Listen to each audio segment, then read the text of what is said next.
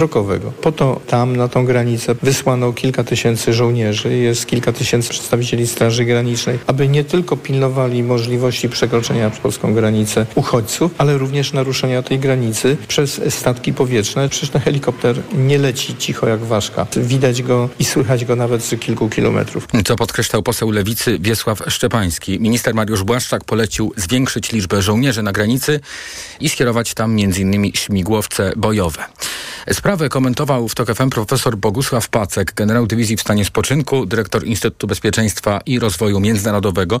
Jego zdaniem MON powinno wyciągnąć wnioski z tego incydentu te śmigłowce nieprzypadkowo tam się znalazły i sądzę, że to jest jeden z elementów, ich będzie dużo więcej, pewnej kampanii, która trwa, e, jest realizowana z całą pewnością, e, jestem o tym przekonany, z udziałem e, przedstawicieli Moskwy. To jest działanie, które ma osłabić polskie społeczeństwo. Usłyszeliśmy w audycji pierwsze śniadanie w toku.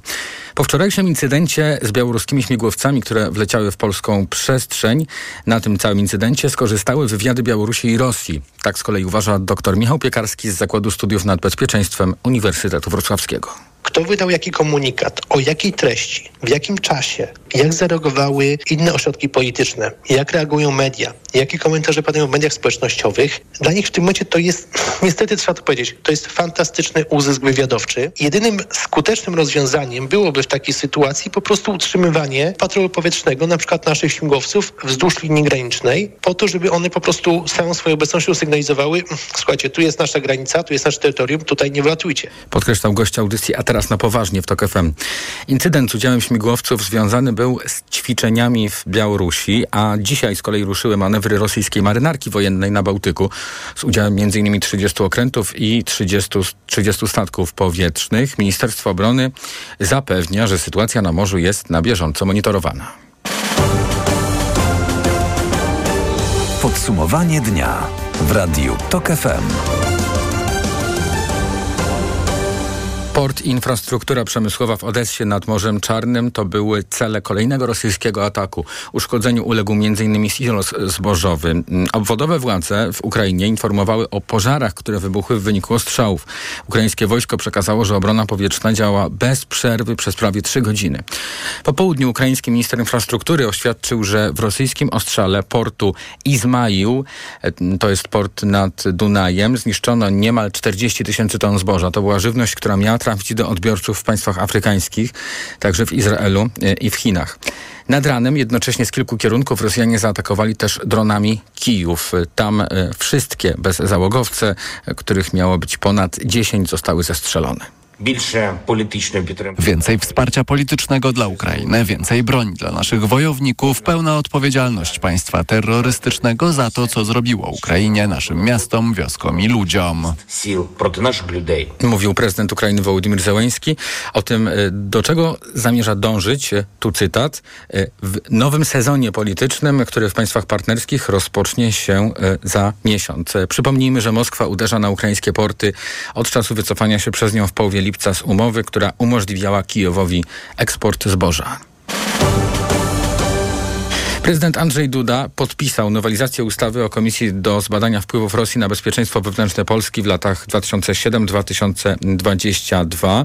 Ta ustawa po prostu nazywana jest jako Lex Tusk, tylko tutaj w znowelizowanej wersji. Przypomnijmy, że w ubiegły piątek Sejm odrzucił sprzeciw Senatu do prezydenckiej nowelizacji tej ustawy właśnie, a zgodnie z tą y, nową wersją w komisji nie będą mogli zasiadać parlamentarzyści. Znoszone będą środki zaradcze zapisane w tej pierwotnej pierwotnej wersji, m.in. zakaz pełnienia funkcji związanych z dysponowaniem środkami publicznymi na okres do 10 lat, a te właśnie rzeczy były uznawane za takie metody politycznych represji z pominięciem sądów w ocenie chociażby e, państw Zachodu, które odnosiły się krytycznie do tych wprowadzonych w Polsce zmian u progu kampanii wyborczej. A decyzję prezydenta właśnie w sprawie tej nowelizacji komentował w poprzedniej godzinie w Radiu Tok FM w wywiadzie politycznym u Macieja Kluczki Rafał Grupiński, poseł Platformy Obywatelskiej, wiceprzewodniczący przewodniczący klubu Koalicji Obywatelskiej. Prezydent, y, wykazując się absolutną niesamodzielnością, y, kompromitująco podpisał pierwotnie, pierwotny, pierwotny projekt y, owej komisji, potem to zmienił, teraz podpisał, gdyż wprowadzono jego, jego zmiany częściowo, natomiast sytuacja jest dzisiaj bardziej groteskowa niż groźna, bo wydaje mi się, że w międzyczasie przez te wiele miesięcy, kiedy PiS odgrywał e, e, tą e, tragikomedię z e, powoływaniem komisji, większość e, obywatelek, obywateli się już zorientowała, że kwestia je- e, dzieje się tak naprawdę w chorych głowach tych ludzi, którzy nie chcieliby za nic oddać władzy, że jest to w istocie zamach na lidera opozycji, na Donalda Tuska, ale zamach, który wygląda coraz bardziej groteskowo i, i powiedziałbym, że komediowo. Usłyszeliśmy w wywiadzie politycznym. Do tej rozmowy można wrócić, można ją znaleźć w podcastach na tokfm.pl i w naszej aplikacji mobilnej. A ta wersja ustawy, dotychczasowa wersja ustawy Lex Tusk weszła w życie w ostatnim dniu maja. Y, Po zaledwie kilku dniach od podpisania ją przez prezydenta Andrzeja Dudy, prezydent wyszedł właśnie z inicjatywą y, nowelizacji, którą w tej chwili podpisał. TOK 360. Opozycja mówi o demograficznej katastrofie w kraju. Politycy PO w Poznaniu twierdzą, że obóz rządzący wręcz zniechęca Polaków do posiadania potomstwa. Inaczej widzą tę sprawę politycy PiS. Poseł tej partii odpowiada, że programy rodzinne i społeczne spełniły swoją rolę. Przyznaje jednak, że sytuacja demograficzna jest obecnie najważniejszą sprawą dla Polski. O szczegółach Maciej Szefer. Poznańscy politycy Platformy Obywatelskiej pod największym szpitalem ginekologicznym w regionie mówili o demograficznej zapaści i bierności obozu rządzącego w kwestii rozwiązania tego problemu. Członkini zarządu poznańskiej PO Katarzyna Kierzek-Koperska twierdzi, że obecny rząd wręcz zniechęca kobiety do rodzenia dzieci. PiS, Konfederacja, biskupi oraz opłatni fundamentaliści e, zniechęcają kobiety do rodzenia dzieci. Wchodzi ideologia do szpitali, do ośrodków zdrowia, tam gdzie nie powinna w ogóle ona być, ponieważ mamy publiczną służbę zdrowia i lekarz, który jest, e, pełni publiczną funkcję, po, powinien e, zapomnieć o klauzuli sumienia, a niestety te sytuacje zdarzają się coraz częściej. Radna sejmikowa z Wielkopolski Tatiana Sokołowska wskazała, że aktualnie rodzi się w Polsce najmniej dzieci od czasów II wojny światowej. Przypomniała, że jej ugrupowanie chce odwrócić ten trend i proponuje rządowe dofinansowania do zabiegów in vitro, lepszej opieki okołoporodowej, bezpłatne badania prenatalne, a także zwiększenie liczby żłobków. Mamy jako Platforma Obywatelska przygotowane bardzo kompleksowe i sprecyzowane działania, żeby zapobiec tej katastrofie demograficznej, która w tej chwili grozi Polsce i chcemy, żeby Polki czuły się bezpiecznie, żeby mogły planować rodzinę, żeby miały wsparcie. Politycy opozycji wskazują, że za zmniejszeniem dzietności stoją też kłopoty mieszkaniowe młodych ludzi, których po prostu nie stać na kupno mieszkania. Radosław Fogiel z Prawa i Sprawiedliwości. Mieszkania są ważne dla decyzji o posiadaniu dzieci, to, to, to na pewno i e, my też tego nie ukrywamy. Liczyliśmy na lepsze efekty e, programu Mieszkanie Plus. PiS w ogóle przyjął takie założenie, że na wszystko, odpowiedzią na każdy problem społeczny będzie dostaliście 500 plus, radźcie sobie sami. Komentowała Anita Kucharska-Dziedzic. Nie ma żłobku i przedszkoli, macie 500 plus, e, e, kupcie te usługi na rynku prywatnym. Poseł Bartłomiej Wróblewski, pytany o kwestie demograficzne, przyznał, że Polska ma pod tym względem duży problem. Jego zdaniem warto wrócić do powołania Instytutu Demografii i Rodziny, który kompleksowo zająłby się kwestiami demograficznymi. Przygotowałem ustawę, którą opozycja zajadle krytykowała nieco bezmyślnie, dlatego że takie instytucje działają w USA, we Francji, na Węgrzech i w Czechach. I we wszystkich tych państwach nigdzie nie udało się trendu odwrócić, ale problem się udało załagodzić. Zdaniem Wróblewskiego problem demograficzny w Polsce lekceważono od lat 90. O problemach demograficznych Polski mówili naszemu reporterowi Maciejowi Szeferowi w tej ostatniej części relacji posłanka Lewicy Anita Kucharska-Dziedzic i poseł PiSu z Poznania Bartłomiej Wróblewski. Związek Zawodowy Lekarzy protestuje przeciwko nowym zasadom wystawiania recept na leki psychotropowe. Od dzisiaj mogą być wystawiane przez internet tylko po uprzedniej konsultacji lekarskiej, ocenie stanu psychicznego pacjenta i wpływu leku na jego stan zdrowia.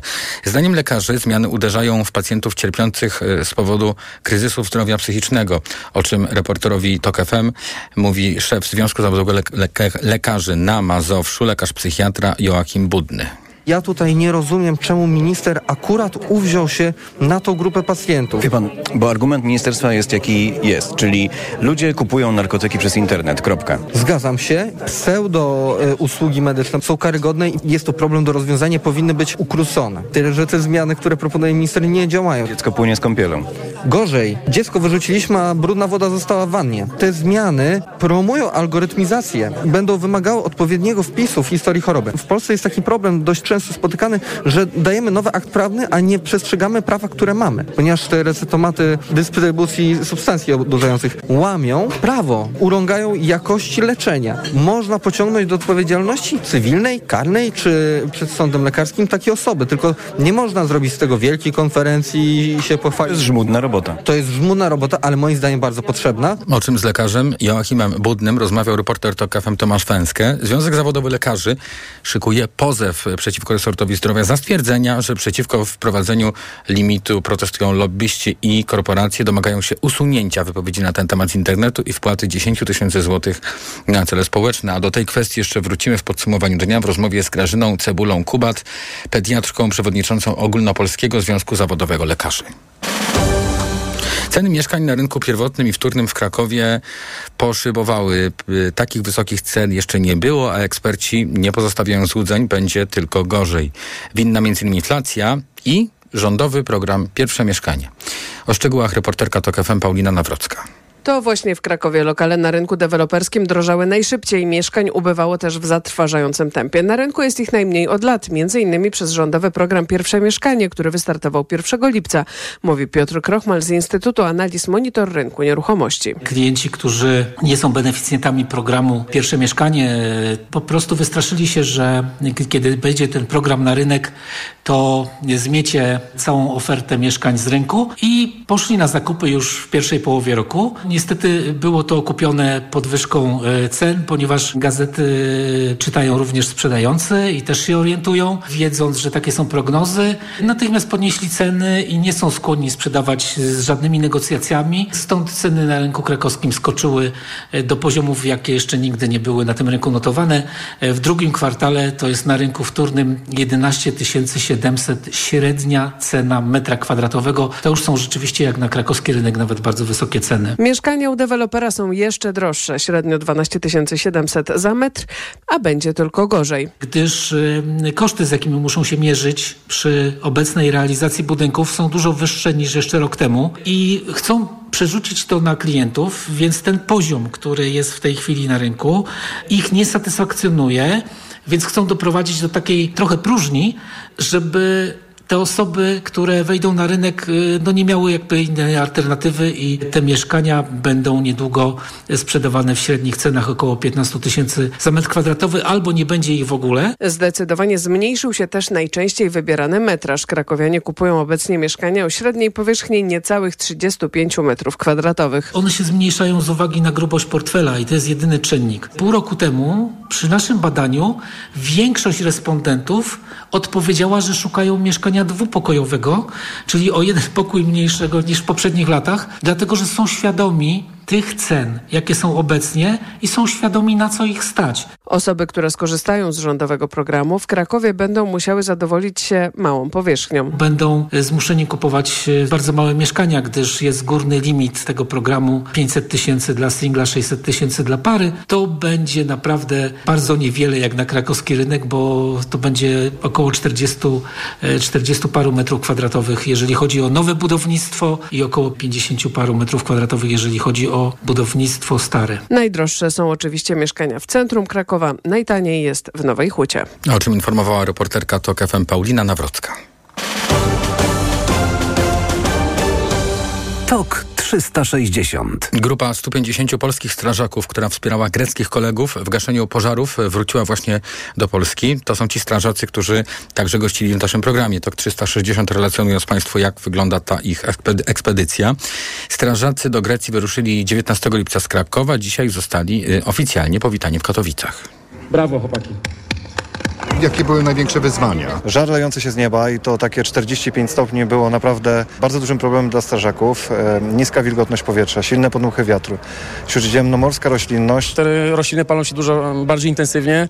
One są wysuszone na wiór. Warto tu podkreślić, że działaliśmy na strefach całodobowo jako jedyny moduł ratowniczy spoza Grecji e, w systemie trzyzmianowym, e, gdzie najkrótsza zmiana była ta zmiana, gdzie największe temperatury były w ciągu dnia. Generalnie kobiety y, zdarzało się na pewno, że wyjeżdżały z modułami za granicę. Starają się pomagać w kwestiach finansowych głównie. Pani trzymała budżet, tak? E, no można tak powiedzieć, tak? Kwestie tankowania, jakieś tam e, uszkodzenia sprzętu. Greckim strażakom pomagali koledzy e, w- z Polski, głównie z Małopolski i Wielkopolski, a Polacy pracowali nie tylko na Rodos i Korfu, ale także w środkowej części kraju.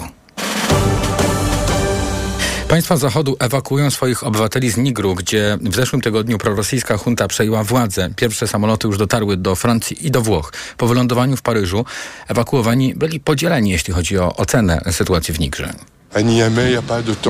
W Niameju nie było szczególnie napiętej atmosfery. Ludzie robili swoje, nie odczuwaliśmy jakiegoś dużego zagrożenia. W pewnym momencie naprawdę poczuliśmy się niepewnie. Wiedzieliśmy, że w każdej chwili wszystko może się zmienić. Mówi Leonardo Santos Simao, szef Biura Narodów Zjednoczonych do spraw Afryki Zachodniej i Sahelu. Sytuacja jest bardzo płynna. Różne kraje regionu przygotowują się do użycia siły, jeśli będzie to konieczne. W niedzielę członkowie Wspólnoty Gospodarczej Państw Afryki Zachodniej dały huncie w Nigrze tydzień na przywrócenie porządku konstytucyjnego w tym kraju. A już dzisiaj w stolicy Nigerii, Abudży, rozpoczyna się dwudniowe spotkanie ministrów obrony krajów Afryki Zachodniej.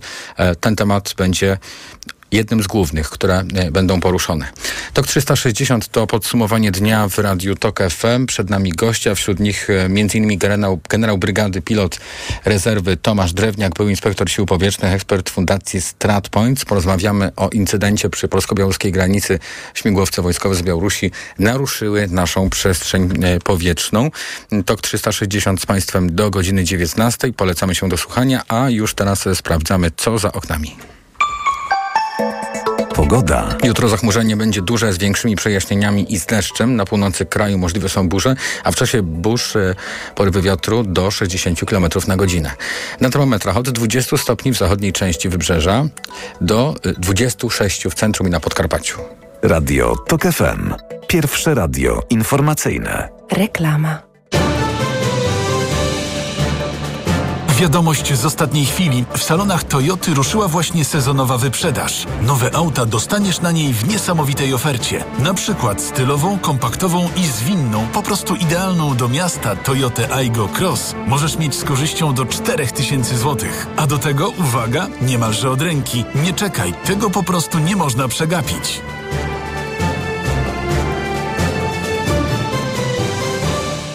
Znów mam infekcję intymną. Ja to mam pH. Tak, możesz mieć za wysokie pH pochwy, co sprzyja infekcjom. Zastosuj Iladian Direct Plus. Iladian Direct Plus przywraca i utrzymuje fizjologiczne pH pochwy, dzięki czemu zapobiega nawrotom infekcji. Iladian Direct Plus. Zapomnij o infekcjach intymnych. Pomocniczo w leczeniu oraz w profilaktyce bakteryjnego, grzybiczego lub mieszanego zapalenia pochwy, w łagodzeniu suchości i uczucia napięcia błony śluzowej pochwy. Aflofarm to jest wyrób medyczny. Używaj go zgodnie z instrukcją używania lub etykietą. Spędź urlop tam, gdzie każdy znajdzie coś dla siebie. Wybierz Dolny Śląsk i odpoczywaj jak lubisz. Najwięcej zabytków, zamków, pałaców oraz uzdrowisk. Majestatyczne góry, tajemnicze podziemia, różnorodne trasy rowerowe. Zapraszam. Cezary Przybylski, marszałek województwa dolnośląskiego. Ale schudłaś. Stosuję tabletki na wątrobę Hepa Slimin. Wątroba spisuje się wspaniale. Hepa Slimin wspomaga też utrzymanie smukłej sylwetki. To tylko dodatek. To ja też będę brać Hepa Slimin. Suplement diety Hepa Slimin w trosce o wątrobę i smukłą sylwetkę. Mate pomaga w utrzymaniu prawidłowej masy ciała, a hojna wspiera funkcjonowanie wątroby. Aflofarm. Jak sprawić, aby nowoczesne technologie służyły społeczeństwu, a cyfrowa przyszłość była przyjazna środowisku? Jak wspólnie możemy zadbać o planetę i jej mieszkańców?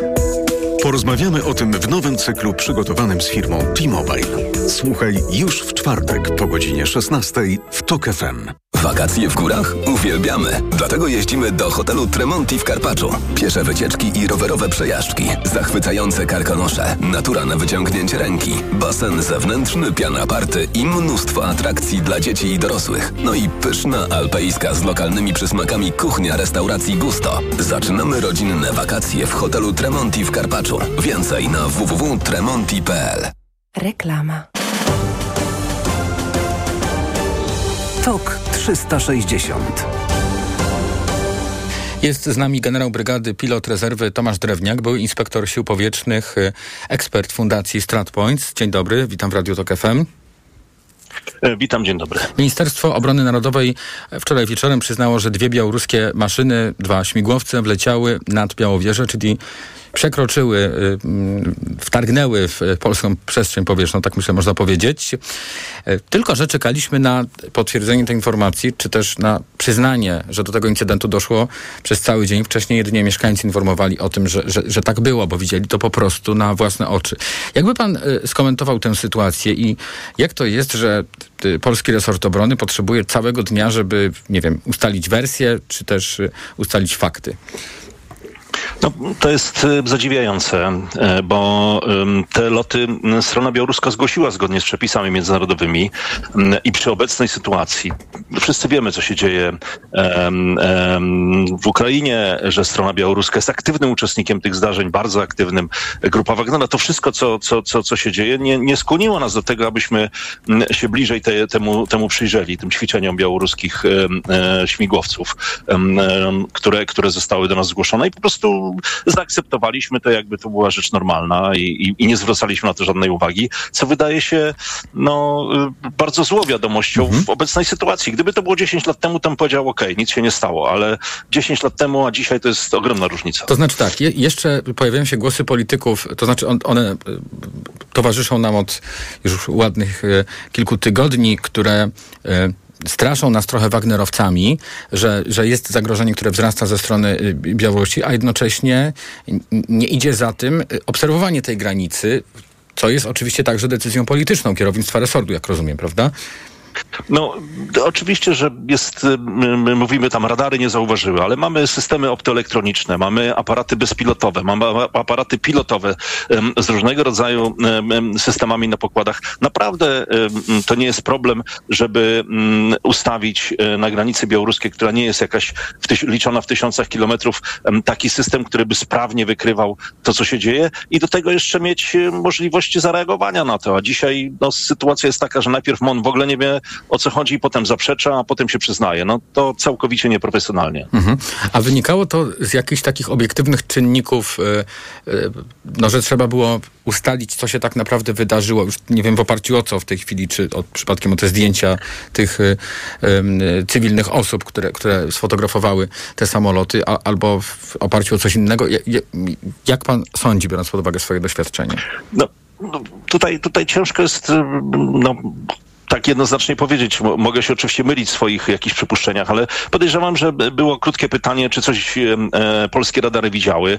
W tej sytuacji, na jakiej i w tej wysokości, na jakiej leciały śmigłowce białoruskie, oczywiście, że nasze radary nie widziały za wiele lub w ogóle nie widziały, więc e, odpowiedź była nie widziały i MON przeszedł do porządku dziennego nad tym. No ale to jeszcze raz powtarzam, MON powinien na granicy z Białorusią dzisiaj mieć nie system pokojowy, radarowy, który jest m, taki sam na wielu innych granicach, których mamy granice z krajami o, o, o du- dużo bardziej przyjaznym podejściu do nas. Tam ta granica powinna być e, nasycona różnego rodzaju systemami rozpoznawczymi.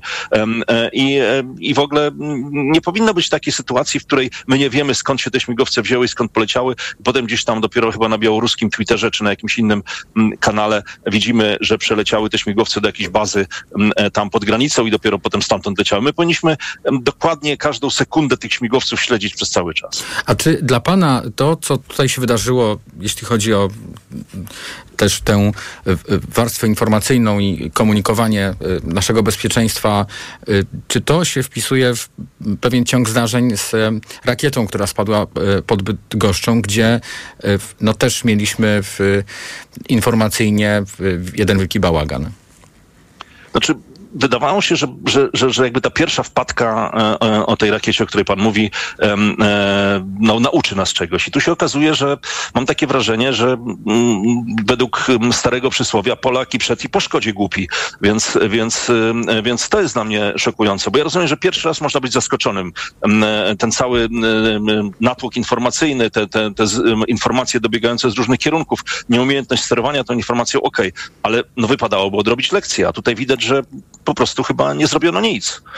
Jaki sygnał strona białoruska nam wysyła, przekraczając e, przestrzeń, znaczy wlatując w naszą przestrzeń powietrzną, no bo chyba y, y, przypadek tutaj można wykluczyć, a może nie? Wydaje mi się, że e, strona białoruska bardzo dobrze przygotowała scenariusz tego, tego zdarzenia i na pewno miała go na, rozegrany w kilku wariantach, czyli gdybyśmy byli czujni i mieli swoje systemy i, i, i piloci, szczególnie śmigłowca Mi-8, który tam leciał, był wyposażony w systemy rozpoznania dość, dość nowoczesne, to by, to by nie wlecieli. Ale kiedy zobaczyli, że ani nie są oświetlani promieniami radarowymi, ani nie ma żadnej reakcji, ani na Ziemi nie widać żadnych systemów obserwacji, ani nic się nie dzieje, no to sobie po prostu pozwolili. I to był, to był scenariusz wielowariantowy i gdybyśmy odpowiednio zareagowali, to oni by doszli do granicy i zawrócili, bo by nie zaryzykowali wejścia w, w miejsce, w którym by wiedzieli, że są obserwowani, że polskie siły zbrojne e, są na miejscu i w każdej chwili no, mogą przejść do bardziej konkretnych działań, e, łącznie z otwarciem ognia. Więc ja myślę, że to był wielowątkowy scenariusz i, i w miarę rozwoju tego scenariusza Białoruś, Białorusini go eksplorowali, eksplorowali w sensie takim, jak daleko się mogą posunąć. No i finalnie okazało się, że nas no, niestety ośmieszyli. Mhm. A co oni mogą zrobić z takimi informacjami? Do czego one mogą się przydać y, dotyczącymi y, naszego czasu reakcji? Znaczy w zasadzie nie było reakcji. E, y, czy no pewnie jakieś informacje, które, które do nich dotarły, a, a które mogą mieć charakter wywiadowczy na przykład? Znaczy, ja, ja raczej myślę, że to jest, że to jest na poziomie politycznym, że ta, że ta cała operacja oczywiście ma swoje korzenie militarne, no bo, no bo jednak tak, ale, ale tu chodzi o nie o zdobycie jakichś danych wywiadowczych, tam częstotliwości systemu dowodzenia czy czegokolwiek innego. Raczej myślę chodzi o, o sprawę polityczną, o pokazanie, że m, mm, m, Polska m, w tej takiej narracji białoruskiej pręży muskuły e, i e, ten, a my tutaj Białoruś pokażemy Polsce, że możemy wlecieć na wasze terytorium i nic nam nie zrobicie. Mhm. Więc myślę, że to jest w tej, w tej kategorii takiej, takiego, takiego psztyczka w nos, które, które Łukaszenko, który już kilkakrotnie się odgrażał Polsce, mówiąc o, o różnych tam e, działaniach w stosunku do Polski i o zagrożeniach ze strony Polski, pokazał, że, że, że no, to taką ty, typową prowokację. No. Mhm. E, Białorusini e, uprzedzili nas zgodnie z prawem międzynarodowym o tych ćwiczeniach w tej chwili prowadzonych za naszą wschodnią granicą. Co możemy powiedzieć o tych y, ćwiczeniach? Czy to są jakieś ważne ćwiczenia? I jakby pan mógł jednocześnie powiedzieć, e, jaki Białoruś w ogóle ma potencjał jako państwo, które e, może być dla nas jakimś zagrożeniem? Wyposażenie, te, te wspomniane śmigłowce, e, czy, czy to są jakieś dobrej klasy śmigłowce? Co by pan powiedział o tym? No, po, po, pierwsze, po pierwsze, ja bym nie, nie, nie, nie, nie szedł w kierunku, że to jest jakieś wielkie ćwiczenie. E, Białorusini zgłosili przelot trzech statków powietrznych. Najprawdopodobniej, nie wiem, jeden nie doleciał albo coś się stało. Poleciały dwa. I tak naprawdę to było wielkie całe ćwiczenie. Więc, więc oni od początku pod tym pretekstem ćwiczenia i pod pretekstem zgłoszenia y, aktywności swojej planowali pewną, pewną, pewną operację, która im się udała, niestety. I to, I to jest jakby, to jest jakby pierwsze, więc tutaj nie ma jakichś wielkich ćwiczeń, jak kiedyś były ćwiczenia Zapad, czy jakiekolwiek inne, czy teraz rozpoczynające się ćwiczenia rosyjskiej marynarki na Bałtyku, gdzie jednak jest kilkudniowy aktywność dużej ilości sprzętu. Tutaj, tutaj jest jedno, jednorazowe działanie e, e, i, e, i daliśmy się niestety zaskoczyć. Mm, to po pierwsze. A po drugie, ja bym, ja bym proszę pamiętać, że, że dzisiaj Białoruś mm, jest połączona bardzo mocno z Rosją, więc ten potencjał Białorusi należy patrzeć też przez perspektywy potencjału Rosji, bo dzisiaj rosyjskie siły zbrojne są na terenie Białorusi, rozlokowane w kilku bazach, łącznie z pociskami jądrowymi. Rosyjskie siły zbrojne mają zintegrowany system dowodzenia z białoruskim i tak naprawdę dzisiaj nie wiem, czy decyzje zapadają w Mińsku, czy decyzje już zapadają w Moskwie, czy, czy, czy, czy w ogóle jakoś inaczej. Więc, więc e, tutaj, tutaj nie rozpatrywałbym Białorusi jako takiego samotnego e, państwa, tylko ono jest w bardzo ścisłym sojuszu a w zasadzie w takiej no, kooperacji wojskowej, czy, czy, czy nawet podległości wojskowej stronie rosyjskiej. Ale no, nawet na to patrząc, co dzisiaj Białoruś ma, no, to nie sądzę, żeby Białoruś była zdolna do jakiejkolwiek poważnej zagrożeniu Polski. Oczywiście takie działania hybrydowe, takie działania próbujące nas ośmieszyć, takie działania, które będą wykazywać naszą słabość, cały czas są możliwe, ale nie spodziewałbym się i tutaj Białoruś nie ma siły i środków na to, aby e, przeprowadzić jakąś dużoskalową operację w kierunku Polski. Generał Brygady Pilot Rezerwy Tomasz Drewniak, były inspektor sił powietrznych, ekspert Fundacji StratPoints, był razem z nami w podsumowaniu dnia. A już za chwilę połączymy się z Grażyną Cebulą Kubat, pediatrką i przewodniczącą Ogólnopolskiego Związku Zawodowego Lekarzy, którą będę pytał o pozew przeciwko ministrowi zdrowia e, Adamowi Niedzielskiemu. Reklama. Aha, czyli u pani dyskomfort przy oddawaniu moczu nawraca? Tak, pani doktor. I to dosyć często, chociaż biorę leki. Leczenie to podstawa, ale tu bardzo ważna jest również specjalistyczna higiena intymna. Proszę kupić w aptece Iladian Uro. Iladian Uro? Tak, specjalistyczny żel kosmetyczny. Iladian Uro myje, pielęgnuje i w konsekwencji chroni układ moczowy. Dziękuję. W takim razie zamienię swój żel na Iladian Uro. Iladian Uro, higiena i ochrona. Bóle nóg, obrzęki, żylaki zatrzymują Cię w pół kroku? Przyczyną mogą być osłabione naczynia, a także zakrzepy. Sięgnij po nowość. Rostil Max z maksymalną dawką substancji czynnej w jednej tabletce. Rostil Max działa podwójnie, wzmacnia naczynia i przeciwdziała tworzeniu się zakrzepów. Rostil Max. Żylaki znikają raz, dwa. Aflofarm. Rostil Max. Tabletka zawiera 500 mg apniatu bezylanu jednowodnego. Wskazania leczenia objawów przewlekłej niewydolności krążenia żylnego kończyn dolnych. To jest lek. Dla bezpieczeństwa stosuj go zgodnie z ulotką dołączoną do opakowania i tylko wtedy, gdy jest to konieczne. W przypadku wątpliwości skonsultuj się z lekarzem lub farmaceutą. Tanie zakupy robię w Lidlu. Według faktu spośród czterech podmiotów objętych zestawieniem koszyk 25 podstawowych produktów jest najtańszy w Lidlu. Źródło fakt. Wydanie internetowe z 26 lipca 2023 roku. Szczegóły na www.lidl.pl Jestem lekarzem dermatologiem i wiem, że stosując pomadkę do ust myślimy głównie o nawilżeniu. To za mało, dlatego sama stosuję i polecam Regenerum. Regeneracyjne serum do ust z filtrem SPF 50+. Pod wpływem słońca usta tracą objętość i kolor. Skutecznie chroni delikatną skórę ust przed szkodliwym działaniem słońca. Ponadto Regenerum intensywnie nawilża usta, zapobiega utracie wody, odżywia je i poprawia elastyczność. Dzięki Regenerum usta na długo zachowują naturalne piękno. Regenerum. Pełna regeneracja. Dlaczego zmieniłam tabletki na wątrobę i stosuję Proliver Cardio? Bo poprzednie tylko chroniły wątrobę, a Proliver Cardio również stymuluje pracę układu pokarmowego. Proliver nie tylko wspomaga wątrobę, ale również wspiera odtruwanie. I dodatkowo Proliver Cardio wspiera zdrowe serce. Suplement diety ProLiver Cardio. Zdrowie wątroby i serca. Dostępny również ProLiver plus Magnes. Aflofarm. Wyciąg z liści karczocha wspiera funkcjonowanie przewodu pokarmowego, wątroby, wydzielanie soków trawiennych oraz detoksykację organizmu. Wyciąg z ostryżu długiego wspiera funkcjonowanie serca. Marzysz o niezapomnianym wypoczynku w otoczeniu przyrody? Pragniesz luksusu i relaksu na najwyższym poziomie? Zapraszamy do Doliny Charlotty. Miejsca dla całej rodziny.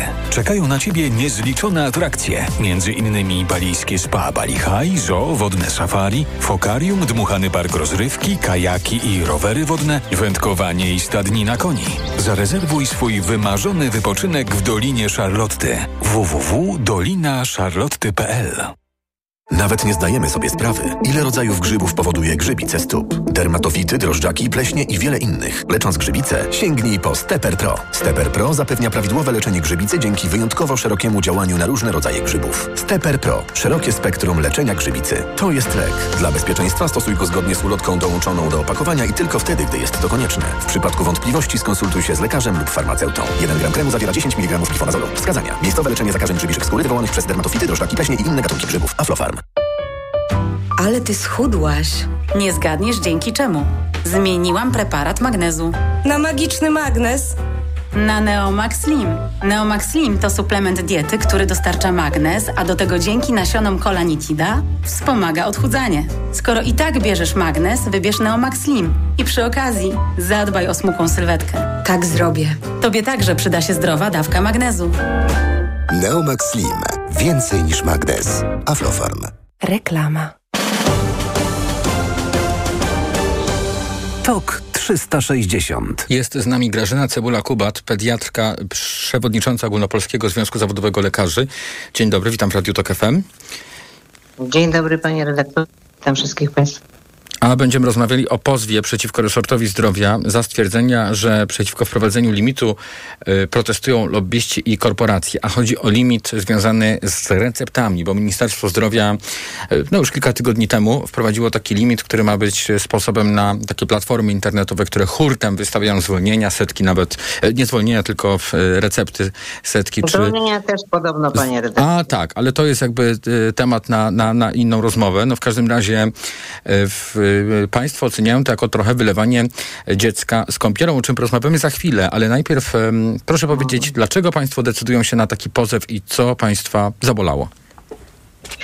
Panie redaktorze, szanowni państwo, pojechaliśmy 13 lipca pod ministerstwo zaprotestować przeciwko bezprawnemu wprowadzeniu limitu na recepty, które groziło bezpieczeństwo i pacjentów, i lekarzy.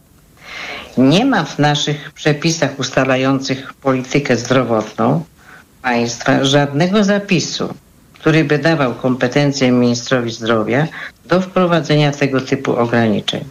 Tą decyzją minister ingeruje w prawo wykonywania zawodu przez lekarzy, a pacjentów naraża na ograniczony dostęp do gwarantowanych przez konstytucję świadczeń zdrowotnych. I zaraz to udowodnię. Ponieważ mieliśmy bardzo dużo informacji od lekarzy przede wszystkim, bo ta decyzja ministra uderzyła przede wszystkim w pacjentów i w lekarzy pracujących w POZ-ach, w DPS-ach oraz w tak zwanej wieczorynce. Ponieważ w POZ-ach jest Wieczorynka, przepraszam, czyli ta nocna opieka, tak? Nocna i świąteczna. Nocna Mhm. opieka, tak, nocna i świąteczna opieka. Ponieważ w POZ-ach jest w większości już w tej chwili podobno w 1450 jednostek, ale jest bardzo dużo, z czego się należy cieszyć, jest kompleksowa, jest koordynowana opieka, wymaga ona czasu i pracy, to jest raz. Dwa, jest dużo pacjentów z wielochorobowością, którym niekiedy trzeba wypisywać 10, a nawet i więcej leków. Jedna, jeden lek to jest jedna recepta. Ponadto lekarze POZ-u muszą jeszcze wypisywać leki zaordynowane przez specjalistów. I następna grupa pacjentów oczekująca w kolejce to są pacjenci, którzy potrzebują natychmiastowej pomocy. I co ma zrobić teraz lekarz, który wypisał już 300 recept, a mówię, pracując w takim POZ-cie, to nie jest trudno to przekroczyć, bo wystarczy 25 pacjentów, żeby przekroczyć ten limit i ma ciężko chorego pacjenta, który się źle czuje, on go zbada, on wie, co mu wypisać, ale ta recepta nie zostanie nigdzie zrealizowana. I teraz kto będzie odpowiadał w przypadku, jeżeli temu pacjentowi coś się stanie i będzie uszczerbek na zdrowiu, będzie sprawa w prokuratorze, w prokuraturze, kto pójdzie tam? Lekarz? Jak wygląda ten problem I w tej to chwili? jest Bo dlatego Mhm. nie, dlatego ja mówię, dlaczego myśmy, bo jest kłamstwem to, co powiedział pan minister oficjalnie, że nie było żadnych skarg. Skargi były i do nas, i do Rzecznika I ten problem w dalszym ciągu występuje, bo ministerstwo przedstawia to w taki sposób, że y, w- y, dane pokazują, tak, tak uważa ministerstwo, pan minister, że y, w- w- na tę pułapkę, że tak się wyrażę, złapały się właśnie te receptomaty. To znaczy, że tacy lekarze pracujący w Zaraz przychodniach powiem. już, znaczy nie ma z tym problemu aktualnie.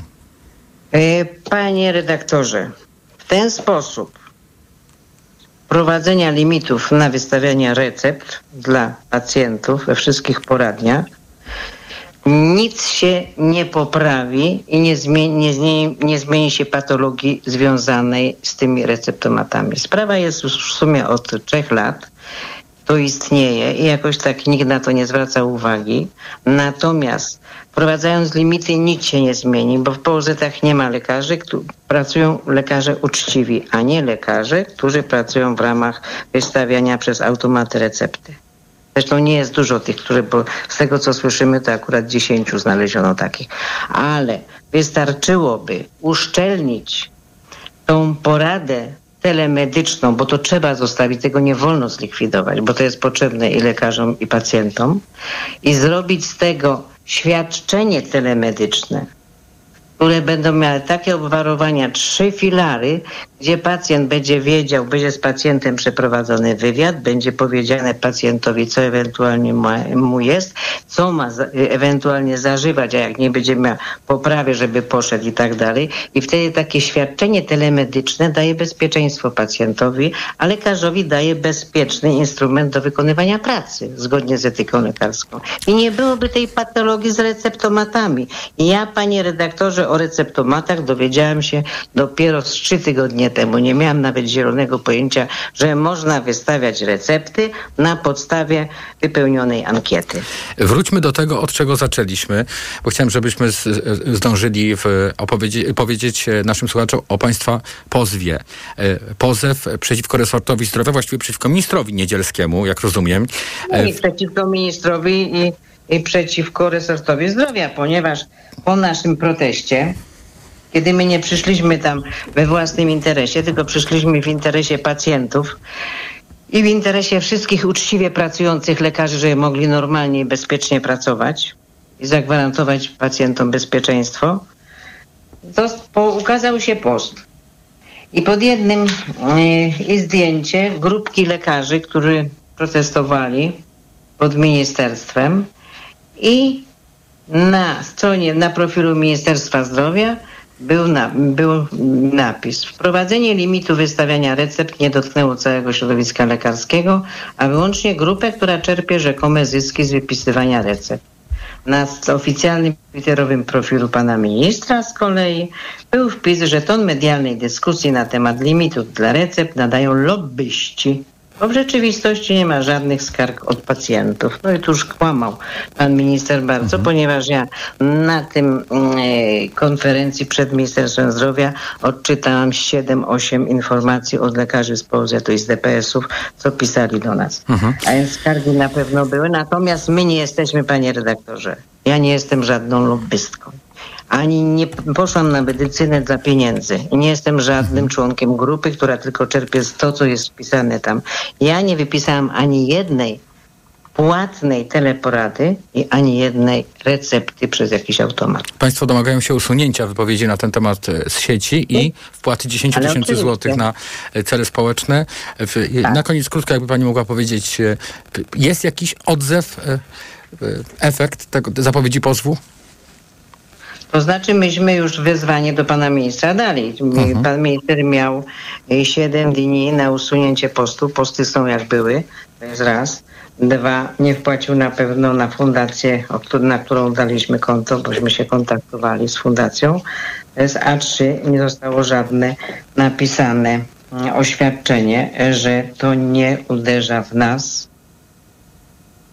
że nie, nie ma, to nie do nas było to kierowane, że nie jesteśmy lobbystami, ani grupą e, lekarzy, którzy czerpią mm, zyski. Więc wszystko wskazuje na to, że, e, że będzie sprawa przed sądem, jak rozumiem. Bardzo To pani znaczy, dziękuję. no prawnicy, prawnicy już piszą powództwo. E, Grażyna Cebula-Kubat, pediatrka, przewodnicząca Ogólnopolskiego Związku Zawodowego Lekarzy, była razem z nami w podsumowaniu dnia. A już za chwilę zmienimy temat, bo będziemy rozmawiali o kolejnych zarzutach wobec e, byłego prezydenta Stanów Zjednoczonych Donalda Trumpa. Moją i Państwa gościnią będzie doktor habilitowana Małgorzata Zachra-Szymańska z Instytutu Amerykanistyki i Studiów Polonijnych Uniwersytetu Jagiellońskiego.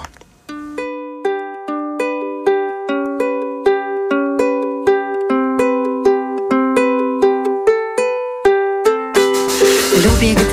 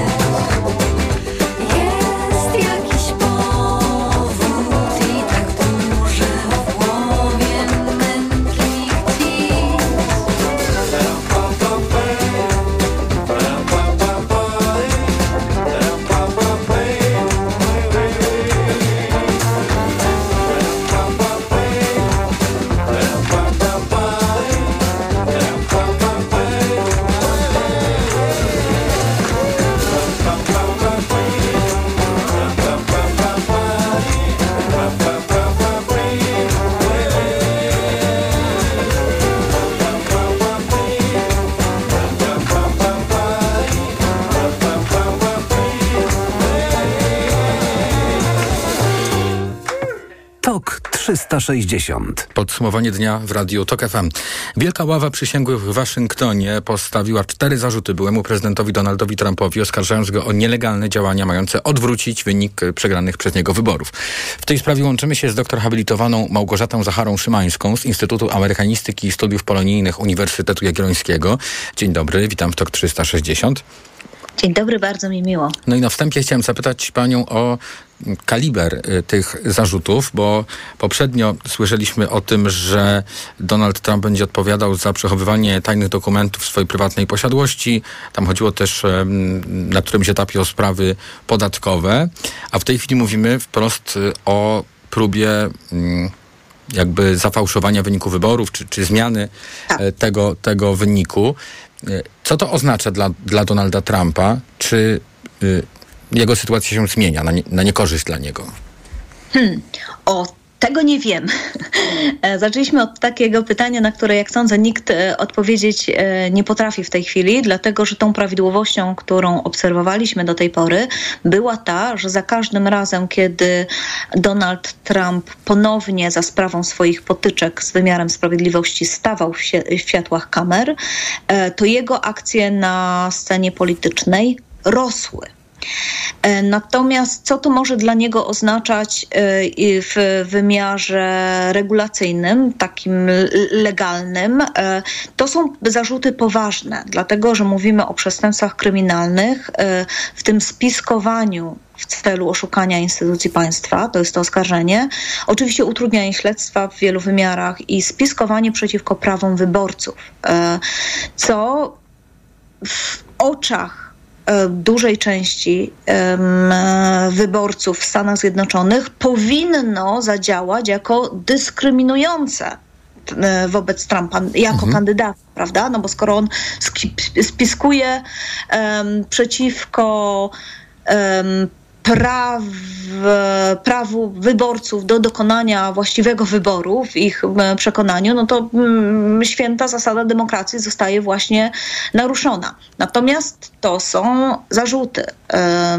One muszą zostać potwierdzone e, i e, no, mm, to, to jest pierwsza odsłona procesu, który będzie trwał. E, I pewnie jego dynamika raz będzie wynosić Donalda Trumpa e, na gdzieś tam ku górze w, w, w, w tej te, temperaturze debaty publicznej, a, a raz będzie go strącać mhm.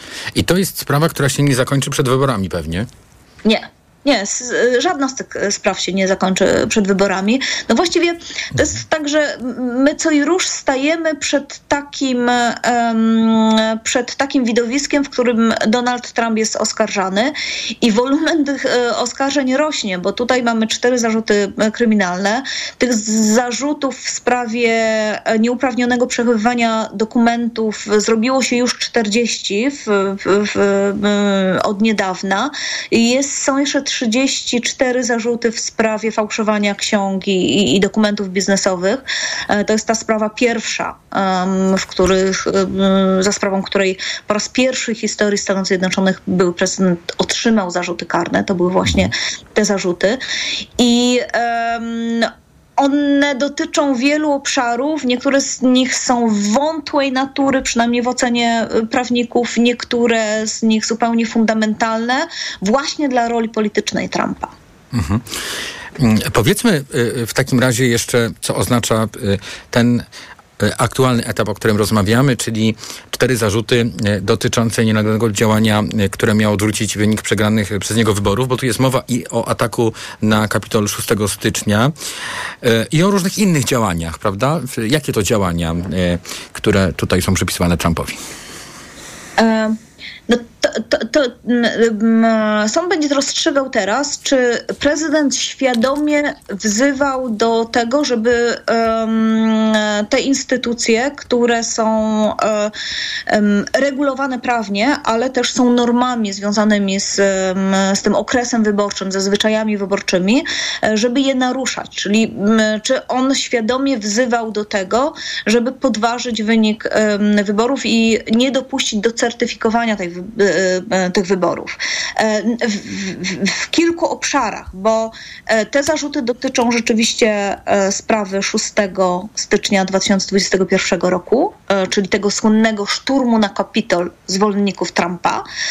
Natomiast wiemy, że prokuratora stanowa w Georgii przygotowuje się od jakiegoś czasu do postawienia mu zarzutów w sprawie matactwa E, i fałszowania wyborów. No, trudno, prawdopodobnie to będą mm, tej natury zarzuty e, i, i, i możemy mm, to przypuszczać dlatego, że e, wszyscy albo wielu, wielu z nas zapewnie słyszało po prostu rozmowę e, Donalda Trumpa, który zatelefonował do sekretarza stanu Georgia, który zajmuje się regulacjami wyborczymi i prosił go w tej rozmowie o odnalezienie tych głosów, które brakowały, których brakowało, aby w tym stanie e, Trump osiągnął przewagę. I sąd będzie decydował, no właśnie, czy to jest namawianie do fałszerstwa wyborów. Mhm. Więc y, Donald Trump y, ma y, coraz większe kłopoty. Tylko pytanie, co ewentualne wyroki skazujące, czy wyrok skazujący tutaj będą oznaczać, bo w Stanach Zjednoczonych jest to zupełnie inaczej niż w Polsce z tą niekaralnością kandydata. Jakby pani mogła to jeszcze na koniec skomentować. No i taka sytuacja, która pokazuje, że ostatnie, ostatnie sondaże pokazują remis w starciu Biden-Trump. To jest taki, taki sondaż, który który ukazał się w New York Times e, dwa dni temu i on mówi o tym, że 54% e, członków Partii Republikańskiej popiera Trumpa. I tutaj znamienne jest to, że drugi w, spośród tych kandydatów w prawyborach, w prawyborach do tego, aby zostać właściwym kandydatem na urząd prezydenta, czyli Ron DeSantis ma tylko 17% poparcia, a tam cała reszta z wiceprezydentem e, Mike'iem Pence'em, wiceprezydentem u Trumpa, Trumpa w jego administracji ma, jest na granicy jakby błędu, czy to, to Pence ma 3%. E, czyli tutaj widzimy, że ten spektakl medialny, on przydaje Trumpowi popularności, co nie oznacza, rzecz jasna, że to będzie taki kapitał, który pozwoli mu zwyciężyć i, i, i znowu zostać prezydentem. Natomiast gdyby tak się miało zdarzyć, to nie przeszkodzą mu w tym ani zarzuty, ani ewentualny wyrok skazujący. To znaczy są takie analizy, e, bo teraz, jako że sprawa jest bez precedensu, więc wszyscy analizują, czy co się stanie na przykład, kiedy e, kandydat który jest osadzony, gdyby któraś z tych spraw na niekorzyść Trumpa rozstrzygnęła się przed wyborami i odsiaduje karę więzienia, zostaje prezydentem. No to co wtedy? I właściwie nie ma formalnych przeciwwskazań, które e, taki scenariusz uniemożliwiałyby. No słyszałem o takim scenariuszu, że się może ułaskawić po prostu wtedy. Tak, tak. I tu też trwa spór. E, jeżeli zostanie prezydentem, on e, ma zamiar taki, to Donald Trump oświadcza, że sam siebie ułaskawi. E, no pytanie, czy może, czy też nie. On uważa, że może. Pewnie jak zostanie prezydentem, to, mhm. to znajdą się zwolennicy To też ciekawe, że uważa się za niewinnego, a bierze pod uwagę w ogóle scenariusz ułaskawiania samego siebie. Bardzo pani o, tak. dziękuję. Mhm mhm. za udział w programie. Doktor habilitowana Małgorzata Zachara-Szymańska z Instytutu Amerykanistyki i Studiów Polonijnych Uniwersytetu Jagiellońskiego była razem z nami. Audycja TOK 360, czyli podsumowanie dnia w Radiu TOK FM już dobiega końca. Audycję przygotował Michał Tomasik, zrealizował ją Adam Szuraj. Za chwilę informacje, punktualnie o 19, za dwie minuty. Po nich jeszcze więcej sportu, na które zaprosi Przemysław Pozowski, Wojciech Muzal. Bardzo Państwu dziękuję i do usłyszenia.